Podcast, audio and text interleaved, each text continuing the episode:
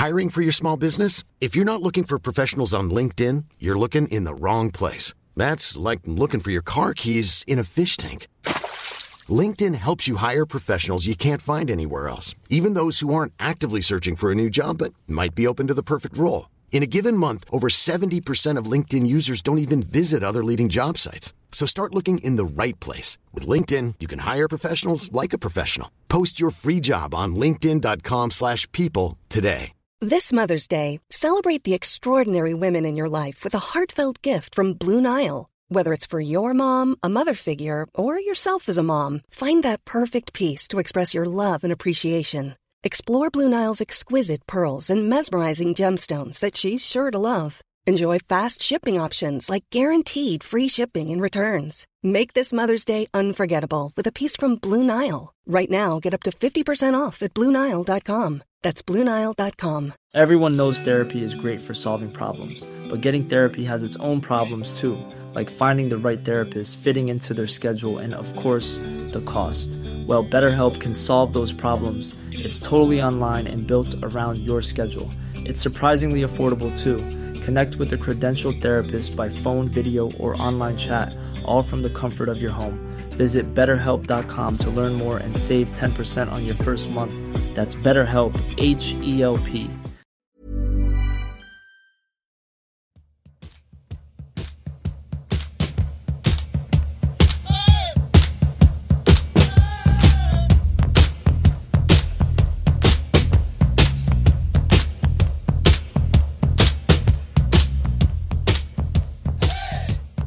Hockeyplatå lyssnar ni på. Avsnitt 58. Podd om hockey i allmänhet, sport i allmänhet och ishockeyföreningen Björklöven i synnerhet. Hur är det med Niklas?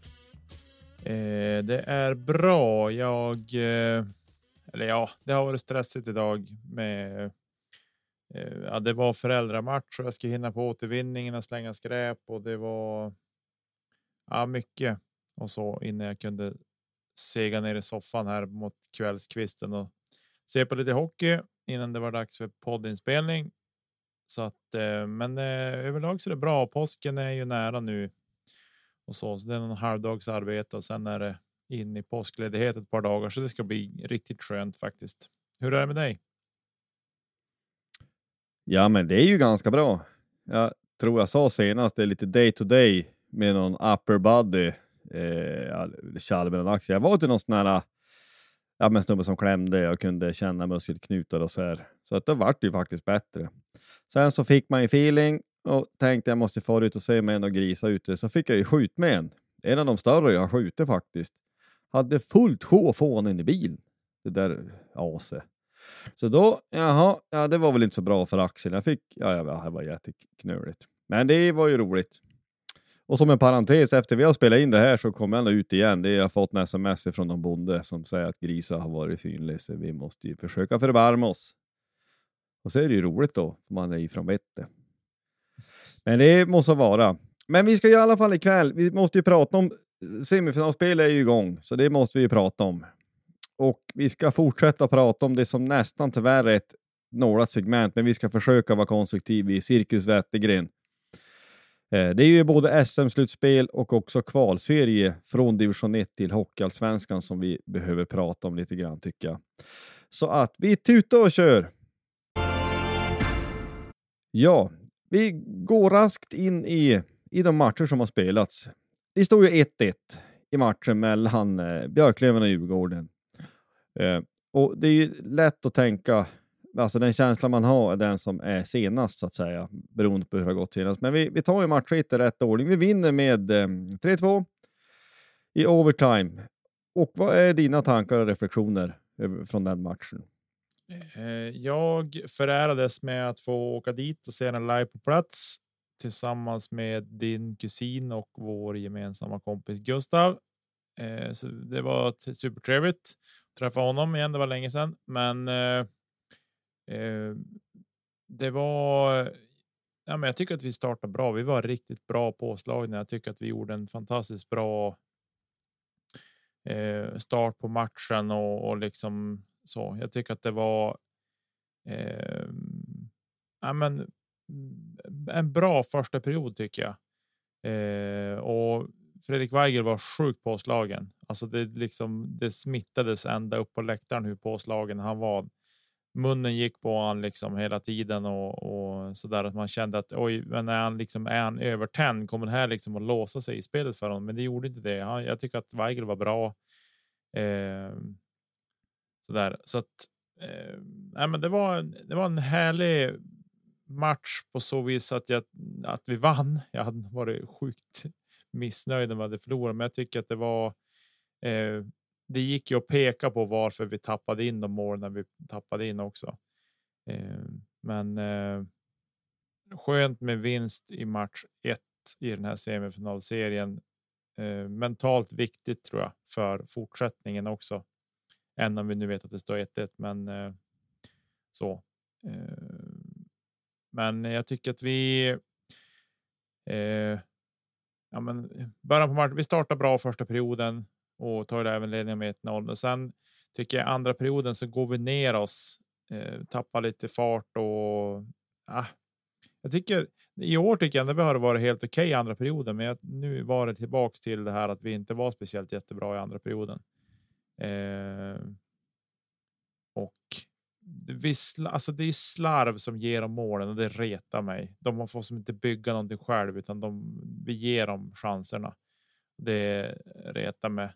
Och sen i tredje perioden så.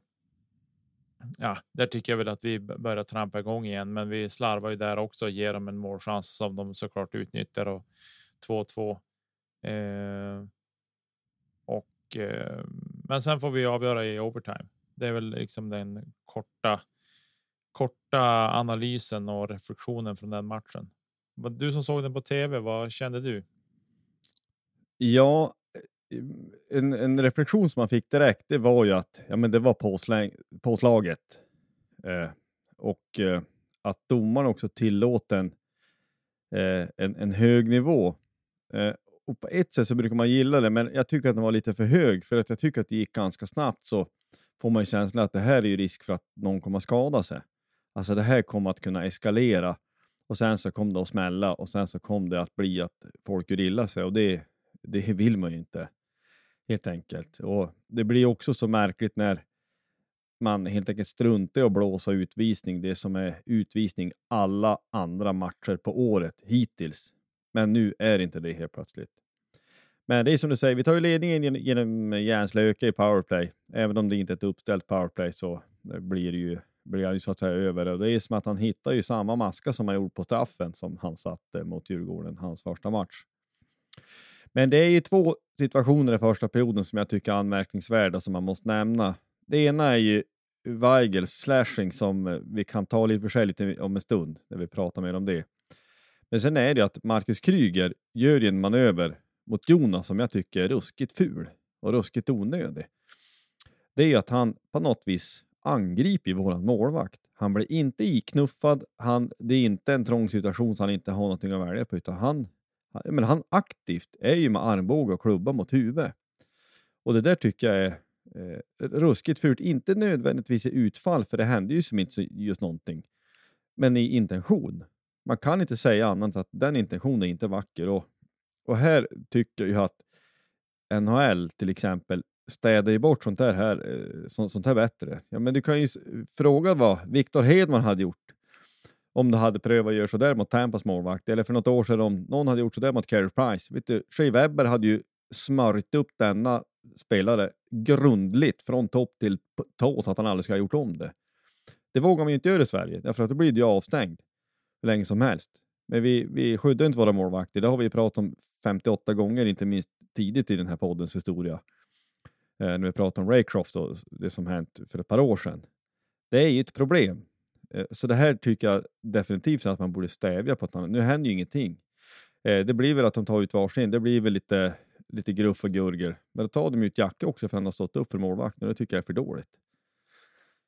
Ehm, men det är som du säger, om man går in på andra perioden då, som du säger, att vi går ner fart och det är också en situation som vi behöver nämna det. Det är ju när deras back nummer 20, Odelius, det är ju mer eller mindre ett yxhugg tycker jag. Det är inte bara någon tripping som är allmänhet, utan han hugger ner en. Jag tycker också det är ganska fult med en hög skaderisk. Och eh, hemskt att säga, men när det var hög skaderisk så är det på ett sätt då tur för våran del, eller att det är ju någon slags poetisk rättvisa, eller vad man ska säga, att det är deras målvakt som utgår skadad. Vaino spelar ju inte mer, men han spelade ju igår. Så att han, han gjorde ju inte illa sig så jättemycket i alla fall. Så att eh, han skadade ju Lindbom och det är ju, grunden är ju att han spelar vårdslöst. Så det vart ju in med Galaida och strax efter det så dunkar ju då Jacke in 2-0.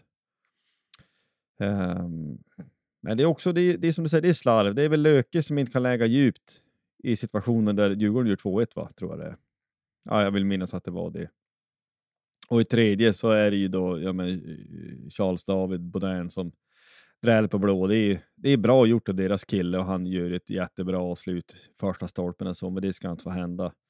Och innan det så kan jag också tycka att ja, men Fortier, han får ju en tripping med sig, men han skulle ha haft en till som jag tycker är ännu klarare. När han trampar runt deras back och deras målvakt kapan. Det är för dåligt. Eh, det, det, måste man våga blåsa fast i slutet på matchen och då eh, kom ju inte heller den där kvitteringen han var på samma, samma sätt tror jag. Ja, men just den där situationen säger, med att han kliver in där eh, när han blir trippad av målvakten, det som inte blir någonting. Det hade varit en sak om målvakten hade suttit och haft klubban in till, alltså mot sig för att stoppa pucken. Så. Mm. Då, hade jag, då hade jag sagt okej, okay, fine. Men problemet är att Galaida skickar ut klubban och regelvidrigt trippar Fortier. Mm. Eh. Därav ska det vara tripping. Alltså det där är, det är liksom det är no brainer. Det ingen hade klagat på att det skulle vara tripping där. Alla som kan hockey och förstår trippingregeln hade aldrig någonsin sagt någonting om att det där skulle vara tripping. Men. Nej, jag tycker att det är mer tripping än den trippingen han får innan på Danielsson. Ja, för, nu, att Danielsson. Eh, det var ju niing alltså, han åkte för, men, men det är som en tripping det också. Han fäller honom med benet ja. så. Men eh, absolut så tycker jag att jag tycker att Galaida är mer tydlig än vad eh, Danielsson säger. Än om den också är mm. tydlig, mm. men. Nej, men det. Nu, det blir så lätt att man petar i enskilda domslut, men det har ju också att göra med att enskilda domslut är så viktiga. Ja, för det kan vara så avgörande för menar, en match utkomst och när det är bara inom situationstecken bäst av sju. Så det som avgör en match, det kan ju avgöra en hel matchserie. Det är jätteviktigt. Men det är i alla fall jätteskönt att det är ju faktiskt eh, både en som får avgöra också så att han spelar liksom, vad ska man säga, 1-1 eh, med sig själv. Och jag tycker att vi är faktiskt, vi, vi trampar i och, och är på något vis tyngre i förlängningen. Även om hur, hur hjärtsnörp han få när han kom fri, Djurgården där. I förlängningen. ja. Det var några dräller så de fick ju ett jätteläge. Jag tänkte nej. Uh, ja, då vart man ju, då kände man Jag kände så här, nu är det mål. Jag väntar bara på att pucken ska gå över mållinjen. Men Jona avstyrde ju det där. Uh, mm. Så, men det är klart att man man vart lite så här. Okej, okay, det var den matchen. Eh, men eh, nej, det var. Jag tycker liksom att. I förlängningen så är vi bättre än Djurgården. Alltså.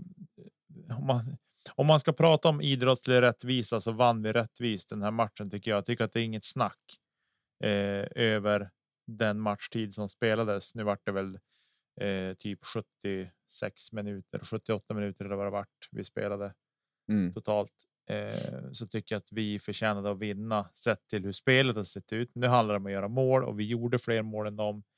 Men. Eh, så att eh, men så någonstans så kändes det som att det var rättvist till slut ändå.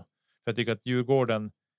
De fick sina mål lite grann till skänks för att vi gjorde dåliga. Eh, vi gjorde misstag som de kunde utnyttja förvisso till fullo, men men jag tycker att vi ger dem lite för mycket och för enkelt. Så vi måste göra det svårare för dem, för Djurgården är ett skickligt lag. Det kan man inte säga någonting om alls överhuvudtaget.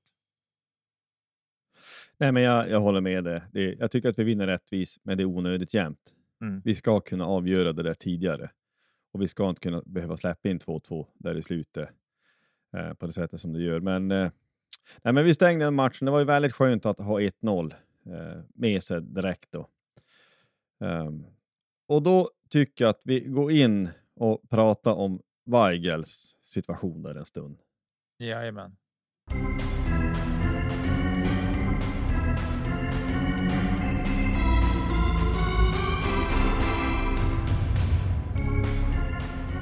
vi får ju reda på, vi får ju nys om det eh, samma kväll kan det väl till och med vara, men i alla fall om det blir, ja, jag minns inte, man blandar ihop dagarna, men Weigel blir i alla fall anmäld.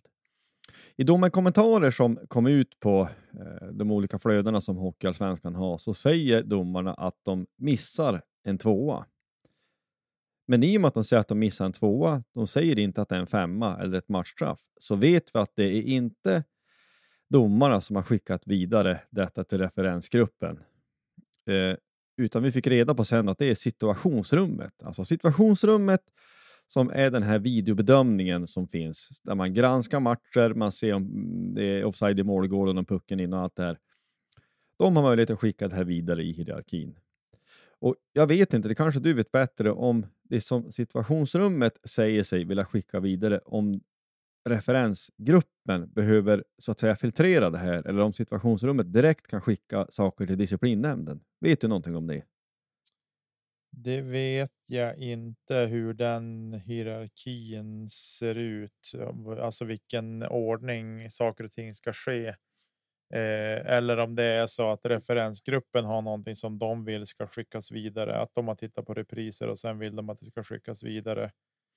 Eh, jag, jag, tror att jag har hört någonstans, men jag är inte säker att situationsrummet skickar det till referensgruppen som i sin tur skickar det till disciplinen. Alltså, det, det, låter rimligt att det är så, att det är den löpordningen. Det ja, jag, jag, tror att det är så, men jag, jag, är inte säker.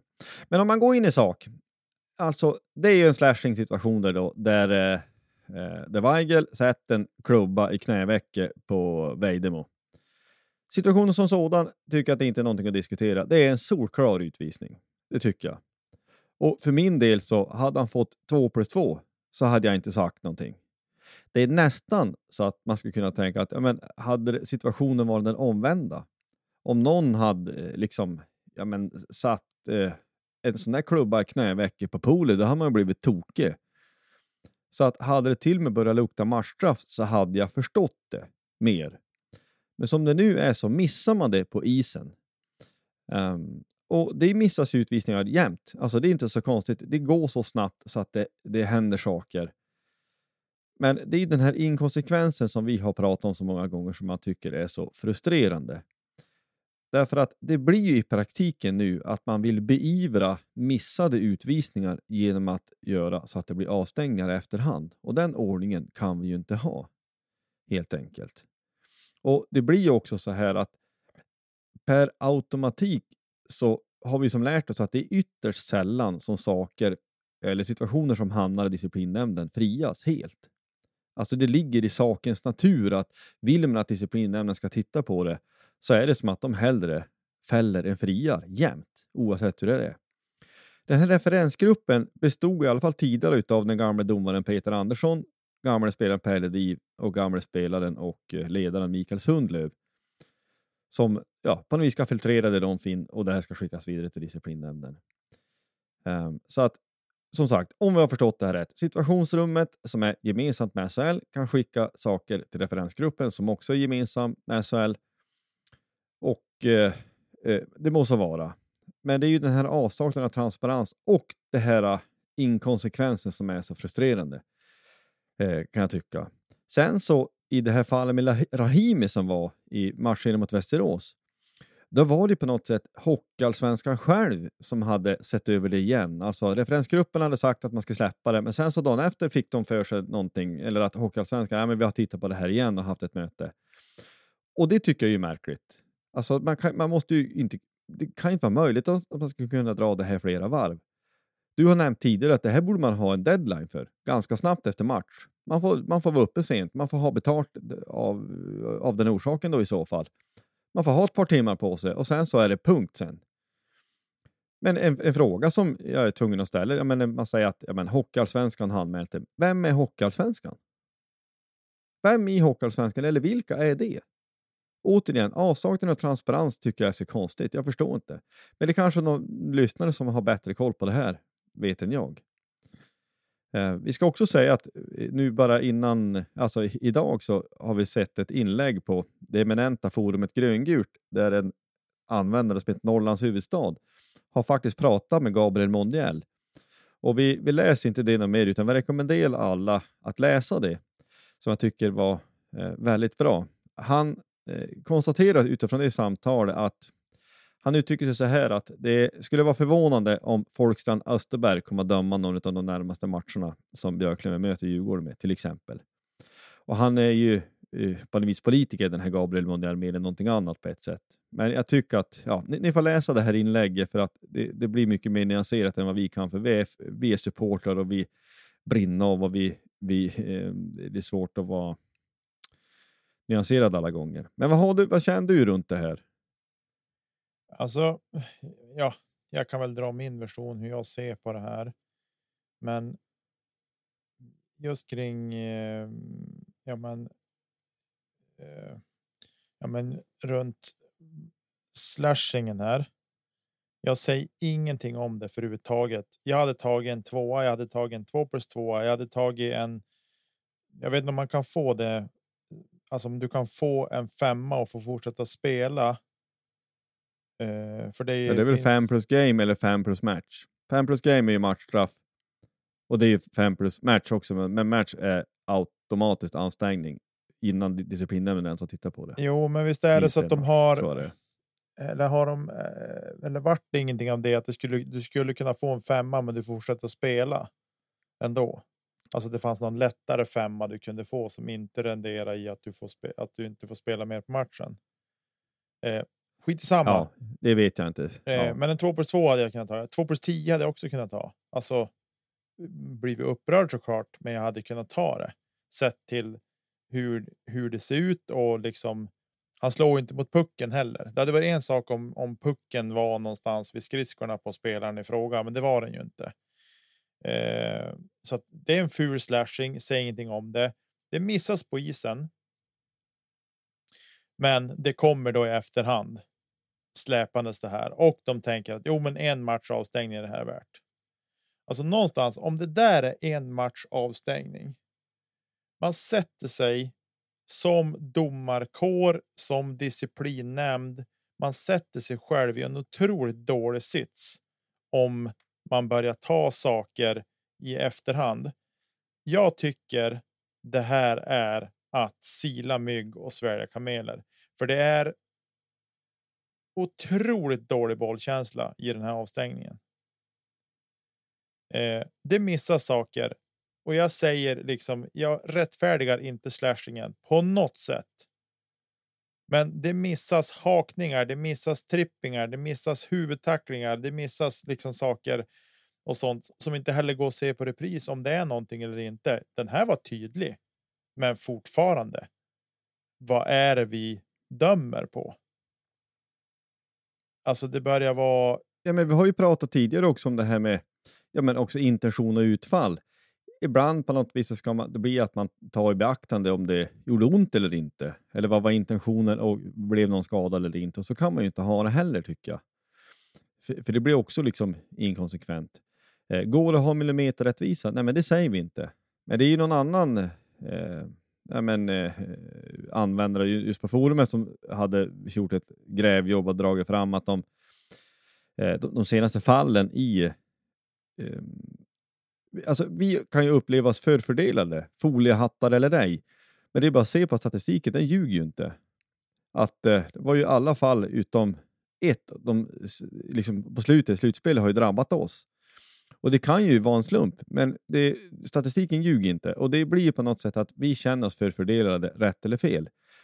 Uh, och det är liksom den här frustrationen som vi, vi har med oss, men vi har ju med oss den från 1920-säsongen när vi inte fick spela färdigt. Vi har ju med oss den i final, från finalserien av Timrå där eh, liksom vi hade covid och sen så en kvart efter då ska vi fortsätta spela final. Det går ju inte. Och vi upplevde det tydligt också när eh, ja, men liksom domare och bästa kompisar, eh, domare är bästa kompis med en tränare i ett lag. Alltså allt det här blir ju frustrerande och det är väl lätt att man också förstorar. Mm. Men det verkar ju som att det här har ju satt lite fart, alltså att det, är med, det har uppmärksammats i mera riksmedia. Eh, Sanny Lindström har skrivit någonting i Expressen och det är någon fler som har lyft det. Och jag tror att det är det här som krävs för att Ehm, man, man på något sätt skulle kunna eh, kanske ha lite mer bollkänsla då, eller försöka i alla fall. Och också så kanske du lyssnar till intervjun med Kente som var eh, senaste matchen i Djurgården, där han fräste ifrån ordentligt. Eh, jag tycker att det är bra att man fräser ifrån, men mer om det senare. Jag tror också att den frustrationen som fanns i Björklöven spillde över faktiskt på, på lagets eh, prestation på isen. Eh, men det är en annan sak. Men det ska bli intressant att se hur det här blir framöver. Eh, faktiskt. Ja, men vi, det, det, går inte att låta bli att prata om sånt här och frustrationen spiller över. Det är inte lätt att vara saklig jämt, men det ska ju också nämnas att det är ganska lätt att bara som en vanlig liksom, privatperson kan, kan gräva fram saker. Det låter ju hemskt, men alltså att ja, men om man tittar lite på med vilka sitter i disciplinnämnden? Ja, men vice ordförande i disciplinnämnden kan man ganska lätt spåra att det verkar ju finnas som att det finns Djurgårdssympatier i den familjen. Ja, men är det då lämpligt om det är så att eh, en sån människa ska döma i det här fallet? Vi kan säga direkt, i fotbollen hade det aldrig hänt. Never ever, då hade en sån människa lyfts ut. Har det gjorts nu? Det vet jag inte, men det verkar ju inte så. Likadant i situationsrummet finns det också människor som man ganska lätt kan tolka det som att det finns Djurgårdssympatier där. Det ska inte få hända. Och Jag säger inte att det här har haft eh, liksom, menligt på att eh, Vagge blev avstängd. Jag konstaterar bara att det, eh, det har inte gjorts åtgärder för att undvika att misstanken ska finnas, om man uttrycker sig så. Mm. Eh, och det är nog illa som det är. Men vi kanske lämnar liksom just den avstängningen och Cirkus Wettergren och hoppas att vi aldrig behöver prata om det här något mer. Men det är ju frustrerande att det här är något som släpar med. För att eh, om vi helt enkelt går in i match två så är det ju så här att vi förlorar ju den med 1-4. Och att Weigel saknades, det tycker jag syntes jättetydligt. Här får vi också kunna eh, eh, liksom hålla flera tankar i huvudet samtidigt. Att, ja, men Weigel har varit skadad mycket under säsongen också och vi har spelat ändå. Och här tycker jag en viss kritik till, eh, till matchningen av laget ska falla tillbaka på Stråle. Han sätter ju Mustonen som center tillsammans med, med, med Schilke och Poli. Vad tänkte du när du såg det förresten? Nej, jag fick magknip. Eh, så visst, Mustonen har börjat varva upp. Det kan man inte säga någonting om. Det ska han ha cred för. Men jag tycker att. Alltså, jag har väldigt svårt för hur hur man resonerar kring. Det. Alltså för mig, det naturliga där är att göra så få förändringar som möjligt. Alltså minsta möjliga förändringar i den här matchen.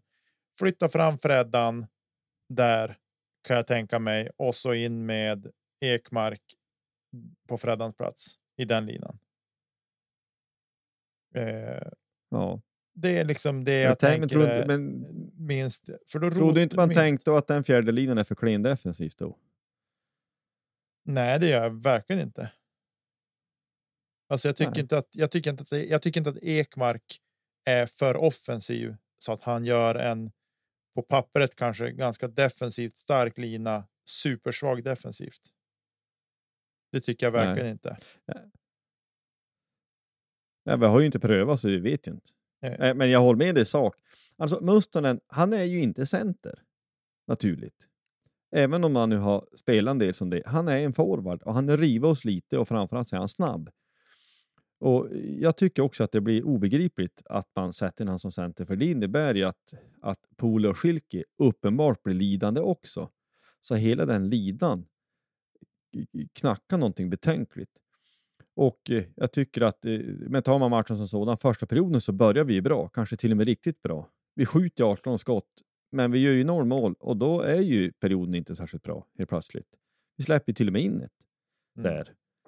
Alltså effektiviteten är för dålig och vi har ett par powerplay och det, powerplay knackar ju betänkligt utan Weigel. Så där har man det här igen då, att, alltså att den avstängningen visar sig vara ganska viktig. Hade vi vunnit med Weigel? Nej, men det är inte säkert, men chansen hade varit bra nog mycket större än vad det var i alla fall.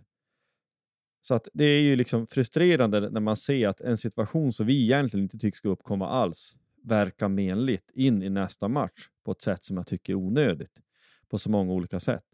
Vi borde kunna hantera det bättre som vi nu säger, eller som vi nu tycker att man borde kunna matcha laget annorlunda. Men nu är det ju som det är.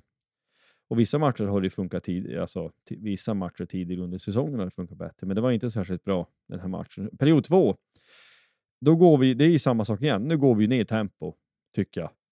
Och det blir inte alls bra. De får göra ett till och det är, det är lite slumpartat och det, allt det här vi tycker att det, det är liksom, vi ger bort liksom målen.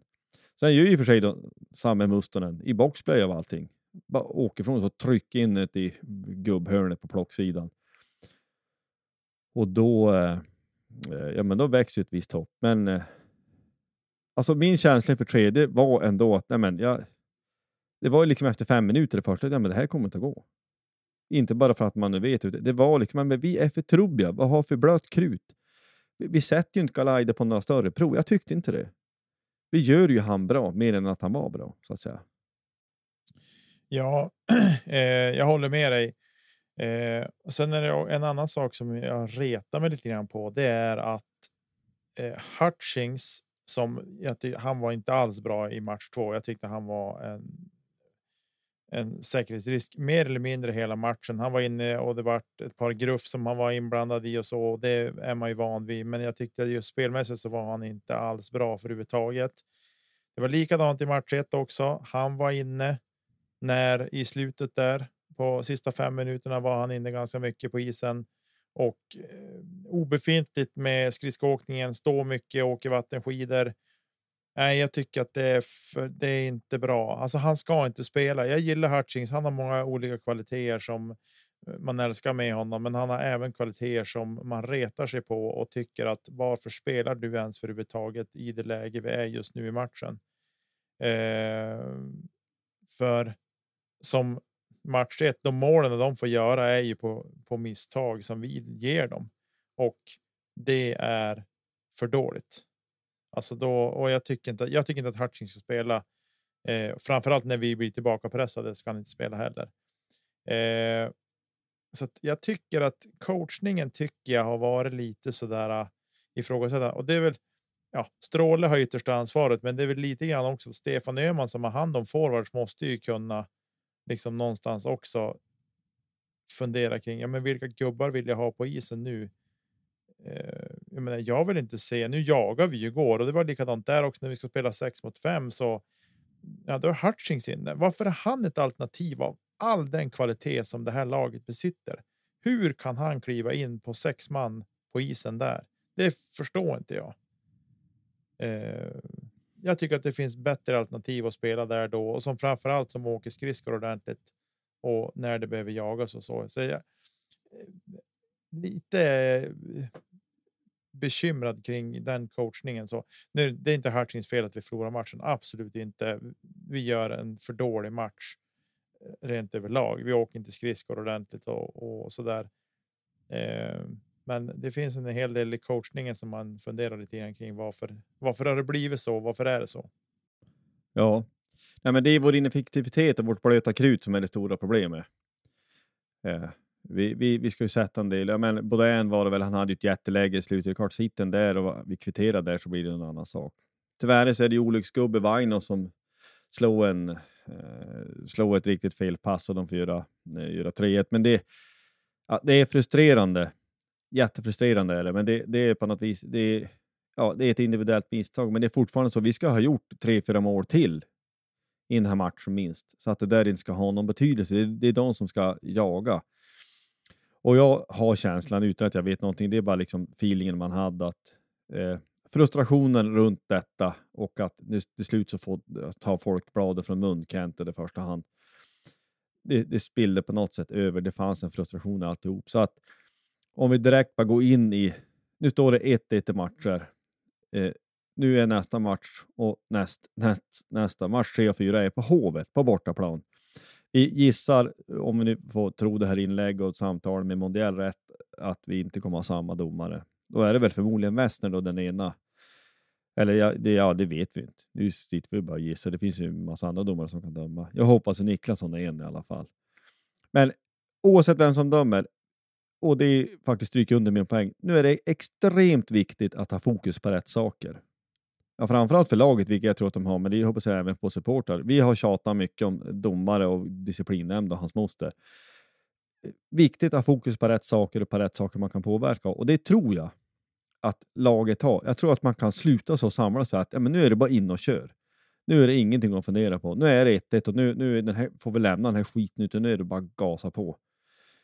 För att match tre nu, den tänker jag, den är, är så enormt vinnig, eh, viktig. Vinnig. Viktigt att vinna. Alltså det, känslan är nästan att den här, den som vinner den här tar matchserien, även om man går till sju. Jag vet inte. Men vad, har du för tankar inför ja, match tre och fyra nu? Framförallt match tre. Ja, jag, jag, håller med dig i de saker du säger. Eh, och jag tycker det är vissa saker som man har sett nu, både i match 1 och match 2 i semifinalserien. Eh, om vi tittar på alltså våran bästa poängare under säsongen under seriespelet, det var Nick Schilke och han har fortfarande inte gjort något mål i slutspelet. Och han har även dragit på sig ett par idiotiska utvisningar också.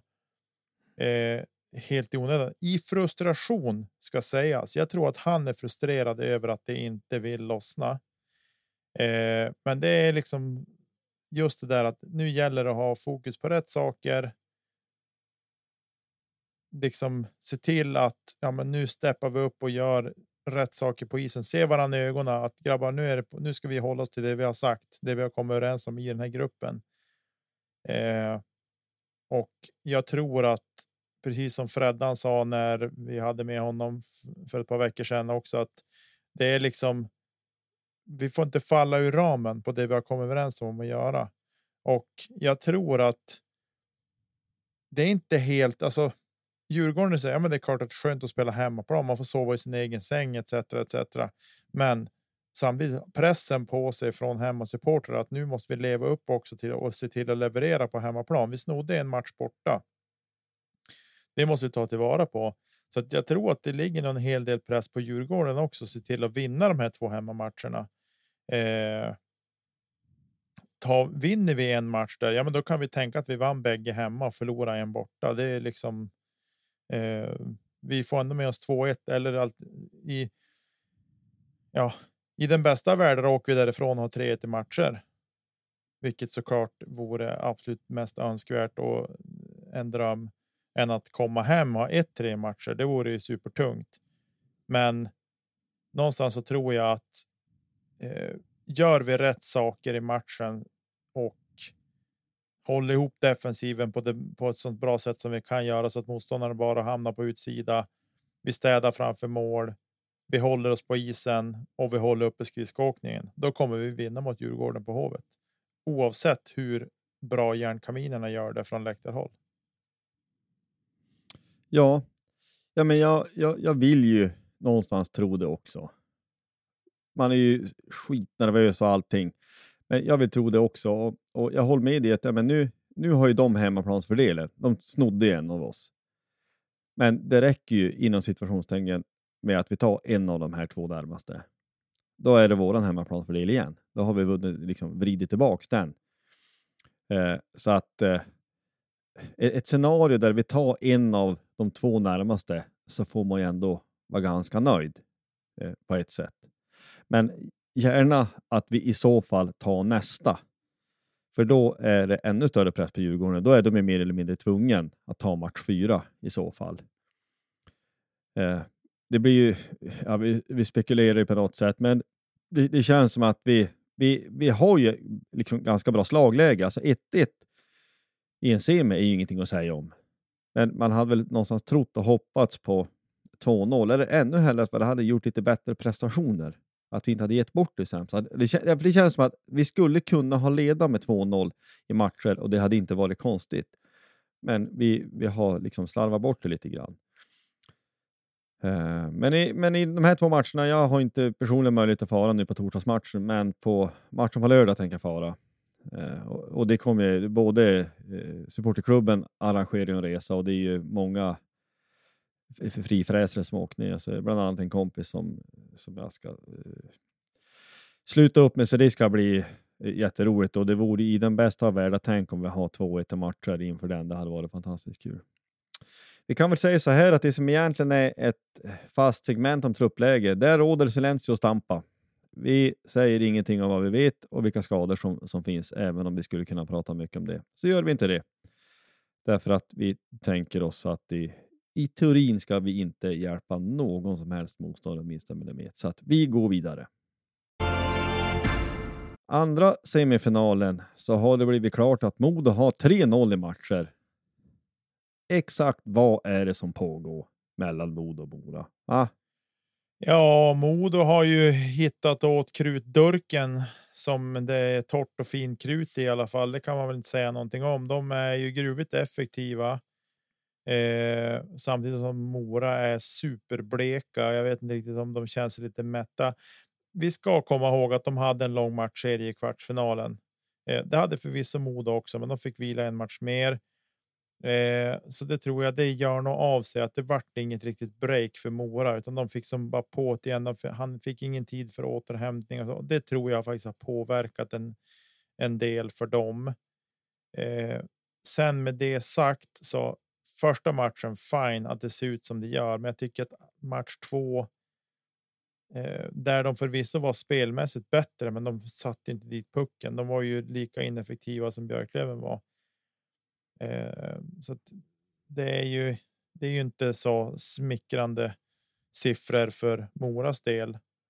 Eh, men Modo har ju varit gruvligt effektiva. Jag tror att någonstans en liten mättnadskänsla.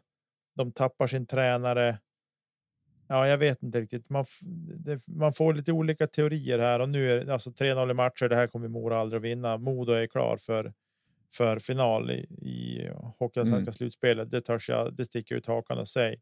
Skulle det vara en jinx att Modo förlorar fyra raka matcher, då tar jag det alla dagar i veckan. Men jag säger att det är klart att Modo går vidare till final. Ja, men det, det, men det, det har ju aldrig hänt. Alltså sen vi överhuvudtaget har infört sju matcher slutspel i Sverige har väl aldrig hänt att någon har vänt 0-3. 0-3 har blivit 3-3, men det har ändå blivit torsk. Djurgården låg ju nummer tre mot Luleå de vinner någon gång. Det var 3-3, men då vann ändå Luleå den. Det var någon semi vad det var. Så det, ja, men det kommer ju inte att hända och i, i den senaste här så, eh, så leder ju Mora eh, in långt in i tredje, eller en bit in i tredje, men eh, Modo tar matchen till förlängning och det man avgör. Eh, ganska billigt. Han var väl kanske på pucken där, deras back, men man ser på deras målvakt eh, att han, den där vill han ha tillbaks. Eh, Nej, men det, det känns blekt. Jag, jag, förstår inte riktigt. Eh, Johan Persson går inte att känna igen.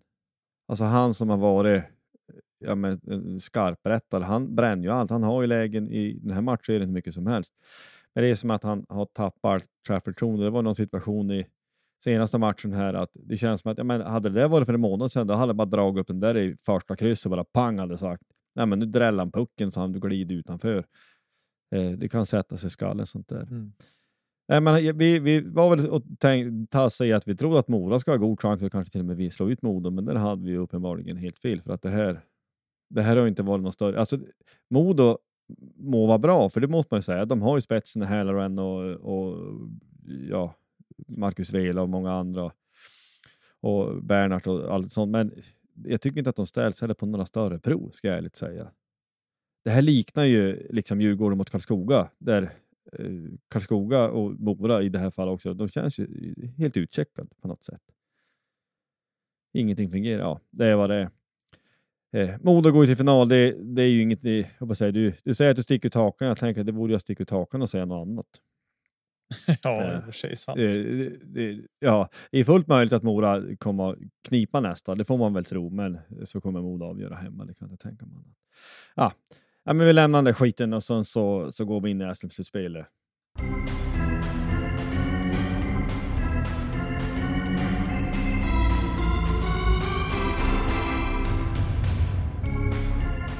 Där vi kan konstatera att i eh, Örebro lyckas vinna både match 1 och 2. Men Skellefteå lyckades då i, ikväll då när vi spelade in det här samla sig och eh, vinna med 3-0. Så att det stod, är då 2-1 matcher till Örebro. Men man är ju inte ledsen över att Örebro led med 2-1 matcher. Det är man ju inte. Det är, det är bara att säga som det är. Nej, men de har alltså. Eh, vi sa innan den där matchen att det, är liksom ingenting man liksom sådär Gå igång på och liksom man tänker att ja, men det kommer Skellefteå att ta. De kommer att dansa hem det där 4-0 matcher hej och hit och dit och man känner att ja, men Örebro, vad är det för hockeyställe? Men tydligen så lever ju hockeyn upp i allra högsta grad Örebro och det är en hockeytokig stad. Eh, av det man hör från de som har varit där och liksom jobbat i klubben och så där. Men Eh, jag tar alla dagar i veckan, men jag tycker Örebro idag ändå den här matchen. Jag såg lite grann av den här matchen ikväll som de nu förlorade. sådär, de har ju bra spel. De hade mycket puck också i tredje perioden, men fick ju inte dit puckuslingen. Eh, och Linus Söderström i Skellefteås mål. Han är grymt bra målvakt. Det kan man inte säga någonting om. Så han stänger ju igen där helt och hållet. Och det här var väl hans tredje nolla under det här slutspelet bland annat. Och det säger ju en hel del om hans kvalitet. Eh, för chanser hade Örebro, absolut, men inte riktigt så att det räckte till idag. Men eh, absolut, nu tar man ju två till matcher efter tre spelade. Det gör man ju till Örebro. Mest bara för att man vill att lillebror ska förlora och ordentligt gärna åka ut i det här slutspelet. Eh, slipper man fundera på det. Växjö mot Frölunda. Där är det ju kanske 1-2 i matchserien, alltså att Frölunda leder med 2-1 matcher känns ju orimligt. Jag hade tänkt att det skulle bli en, en 4-0 till Växjö i den där matchserien. Eh, otroligt starkt av Frölunda och dessutom att vinna med 1-0 bara i senaste matchen. Det är starkt. Det går inte att säga någonting om. Nej, alltså bara göra ett framåt, det ska ju inte i någon värld räcka till ens i närheten vara poäng. Men i, i det här fallet så gjorde det det och det är, det är starkt jobbat. Det går ju inte att säga någonting annat. Och även i den matchen en situation där en målvakten Lasse Johansson blir fullständigt överkörd. Ja, jag såg någon jag såg någon meme, en meme alltså, men någon GIF på det där. Och det såg ju konstigt ut. Ja, alltså den är var, ju... Vart det, vart det gurgel och slagsmål efter det? Tog de upp för honom? Ja, det vart väl lite markeringar där mot den här spelaren och det vart ju inte alls bra. Men det är ju alltså, man, jag fattar Jag förstår ingenting av att domaren bara viftar åt han ställer upp liksom så här. Han sitter i målgården, blir pååkt, påhoppad. Jag förstår verkligen ingenting hur man kan vifta bort den där.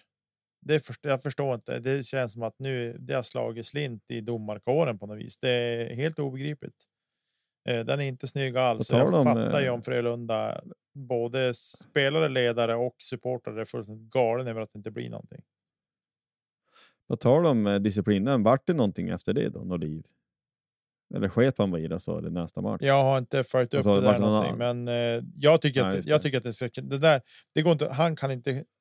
Växjöspelaren kan i det där fallet kan inte säga nej, jag såg han inte eller jag, jag kan inte ta mig undan. Kan du visst göra. Det var ingen spelare som påverkade dig att du var tvungen att åka rakt in i honom. Ingen. Nej.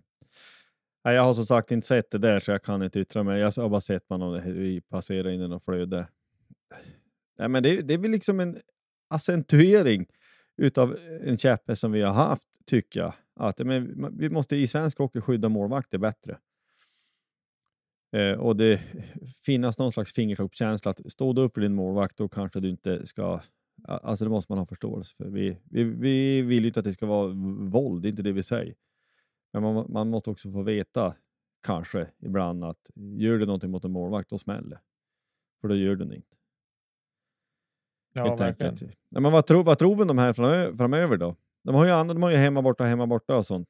Ja, så att, eh, jag hoppas och jag tror nästan att matchserien mellan Växjö och Frölunda den kan gå till sju matcher. Mm. Eh, för den tycker jag har varit spelmässigt tajtare i alla i samtliga matcher. Eh, det tycker jag inte man kan säga riktigt om. Eller ja, det har varit tajt i Örebro Skellefteå också, men inte på samma vis tycker jag. Eh, så att ja, det ska bli intressant att se, men jag tror nog att även den matchen kan gå till sju. Eller alla matcher kan gå, matcher kan gå till sju såklart, men jag tror mer på att på att eh, Växjö Frölunda går till sju matcher än vad jag tror att Skellefteå Örebro gör. Jag tycker Skellefteå Örebro luktar sex matcher, alltså 4-2 till Örebro. Ja. Örebro tar nästa på hemmaplan. Örebro eh, eller Skellefteå tar sin då hemma nästa, och sen så avgör Örebro i sjätte i Örebro då, helt enkelt. Det får vi följa upp och se hur det blir, för vi har gått sisådär att tippa hittills. Men ehm, eh, man får se hur det blir. Men vi, vi tuffar på och fortsätter. Det är kul med hockey.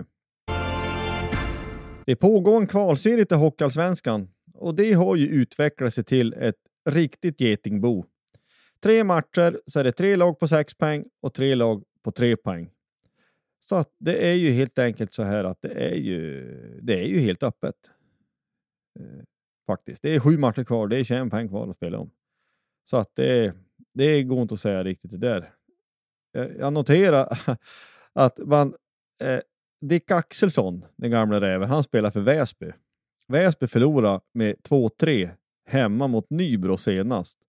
Och Nybro avgör med att de får eh, en straff med 25 sekunder kvar. Um, och då, då, om man nu tittar på, uh, ja, men på Svea Hockey, då här. Dick Axelsson kliver in, han tar eh, abuse of officials, game misconduct, han får liksom 2 plus 10 plus 20. Han är still going strong, den gamle Dicken. det får man säga. Det ska han ha, minsann. Det, det ska han ha. Det, ja, man, kan, man ska ju inte skratta, men det är ju på något vis att det blir lite roligt. Han gjorde ju mål också, ska vi säga, så att han producerar både framåt och bakåt kan man säga. Mm. Eh, men det är ju intressant och det är kyligt gjort vem det nu var. Jag har inte sett någonting av det här, men att du avger med en straff med mer än 30, 30 sekunder kvar är ju starkt jobbat. Mm. Ja, undrar om den här Håkan Lundgren, undrar om han lever fortfarande? Eller håller på med han, eh, den här eh, kommentatorn och han som jobbar för Sveriges Radio var det väl? Det finns några klassiska Youtube-klipp när han, någon har, har liksom, han är så engagerad så någon har spel, spelat in honom. Där han är ja, lite upprörd och engagerad. De, ni som vet, ni vet. Ni får, ni får googla på Nybro och Håkan på Youtube så fattar ni vad vi menar. Men det är likadant här. Det här, är, det, det här är ju superintressant. Det är Nybro, Hudiksvall och Kalmar har sex poäng och då Väsby, Troja Ljungby och Piteå har tre. Piteå starkt att vinna 2-1 hemma mot, mot Troja efter två raka torsk i början. Eh, men det, det, det, går inte att säga någonting om någonting, utan det måste få gå några matcher till.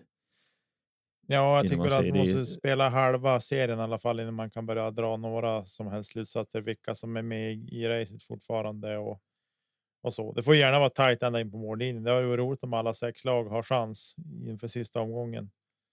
Eh, med lite ja, men så mycket som man nu har älskat gamla kvalserier och fortfarande gör på något sätt, så är ju kritiken som, som finns och som med all rätta finns mot det här liksom upplägget som sådant.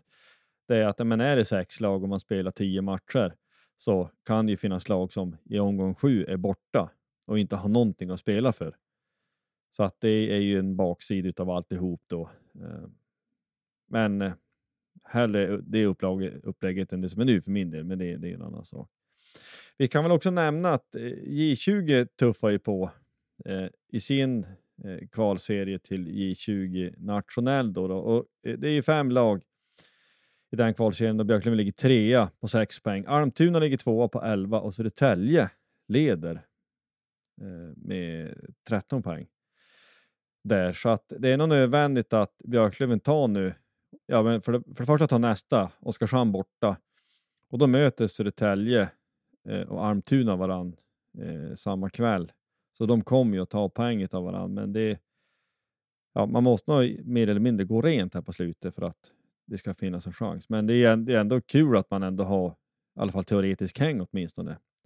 Efter Oskarshamnsmatchen så möter Björklund Södertälje och den måste man ju givetvis då vinna.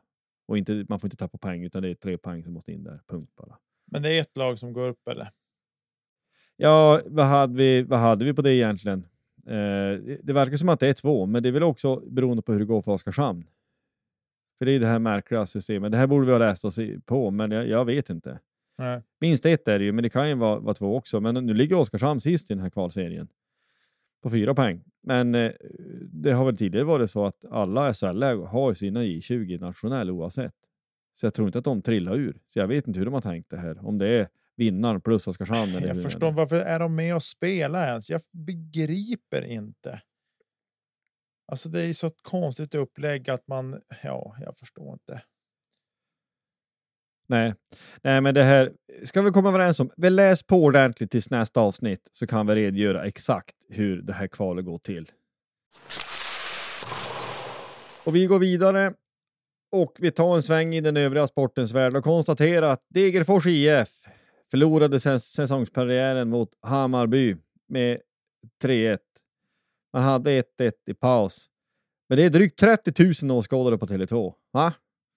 Det är ju makalöst liksom vad, vad fotbollen levererar. man orkar inte riktigt med. Man har ju som sagt kryssbra länge och bränner ju något friläge vettet, så man har ju chans att ta ledningen. Men Hammarby är ju bra, så det får man ju, får man ju ge dem. Och det är ju maffia, tifon och alltihop. Det är ju ingenting att säga om, så det är ju storslaget. Vi nämnde lite om basebollen också har vi gjort och jag kan bara säga att White Sox vann sin premiär, men så har de väl spelat sex matcher till då. För det är ju matcher nästan varenda dag, så man har väl vunnit hälften hälften ungefär då hittills. Har du någon övrig sport att re re re reagera, reflektera? Nej, jag bara konstaterar att de hade premiär när vi pratade i förra veckans avsnitt och nu har de spelat sex matcher. Det går fort i baseball, fast matcherna är otroligt långsamma och utdragna ibland också. Eh, men eh, ja, det är fascinerande. Övrig sport? Nej, jag har väldigt tunt på den fronten just nu. Jag hoppas väl på tö på töväder ordentligt här nu så att man får komma igång med diskkastningen för det här liknar ingenting.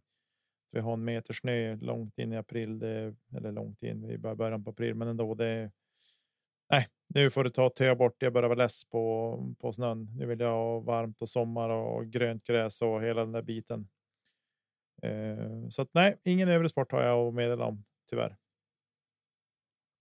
Ikväll när vi spelar in det här så har White Sox vunnit mot eh, San Francisco Giants med 7-3. Varför jublar du inte? Det är det jag tycker är konstigt, måste jag ändå säga. Ja, ja. Det man vad du vill med den saken. Alldeles strax så är vi inne i Alin-biten i maj, så är det ju draft för NFL och, och så småningom är det ju ja, men alltihop. NHL har man ju inte nämnt någonting. Det lag som jag för Montreal, de är ju jättedåliga.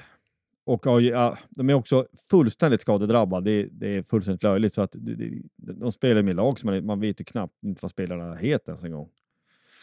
Eh, så det var det jag, Alltså hela den här idén, vi, vi måste nästan nämna det. Du, du har väl kanske hört det, att man ska tanka tank för att nu få bättre draftval. Mm. Alltså organisationer och klubbar som sådana kanske innerst inne, alltså själva management vill att man ska tanka, men det finns ju inte en spelare i världen som gör det. Det kan jag inte tänka mig. Alltså överhuvudtaget. Just för att du spelar ju för ditt säga, jobb nästa år. Mm. Också. Alltså du, om du nu får, får jag menar i Montreals fall, det kallas upp killar från de här laget.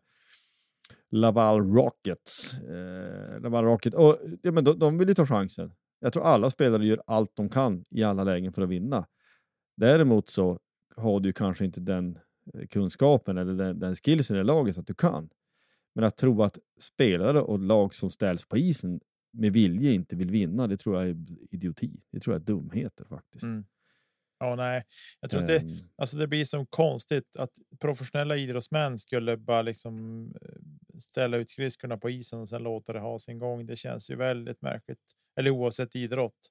Jag tror att de vill. De vill tävla, de vill vinna eh, till varje pris. Liksom. Det är väl lite.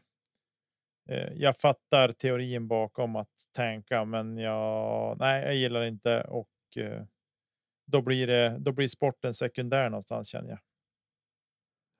Nej, men det är väl så här att rent krasst kan ju vara, om du kan ju se på ett sånt lag som Chicago som har ja, men liksom sprängt det där gamla mästarlaget och är ju eh, väldigt dålig. Det är ju inte spelarna som vill göra någon slags tankning utan det är ju klubben som sådan som på något sätt vill bygga om och det är en annan sak. Alltså det lag som ställs på isen vill alltid vinna. Sen så om man inte kan vinna för att man inte är tillräckligt bra, det är en annan sak. Men det finns ju, alltså poängen är, det finns inte en spelare i världen som vill eh, vill, eh, som vill liksom förlora med vilja. Aldrig. Nej. Precis. Det, det kan jag inte tänka mig. Det är så är det. Men så är det bara. Det är fånigt att säga något annat. Ja, Nej, men det, vi, vi, vi på något vis eh, börjar väl zooma ut där. Ni som nu går på matcherna på Hovet, matcherna på, på lördag tänker jag fara på, som sagt. Vi, vi, vi skriker och sjunger högt och stolt och vi gör det till sista minuten av den här säsongen. Så enkelt är det. Och eh, följ oss på eh, sociala medier. Kontakta oss på mejlen poddplatsh.gmail.com om ni vill nå oss. Eh, ni, ni, som sagt, om ni följer oss så får ni reda på när vi släpper avsnitt och lite sånt. Eh, och det är, all den interaktion som vi har med, med lyssnare tycker vi är fantastiskt roligt. Så att tveka aldrig att kontakta oss för att det tycker vi bara är roligt. Vare sig det är i, i en digital värld eller på en läktare. Det är bara roligt. Vi säger så. Forza Löven! Hej då!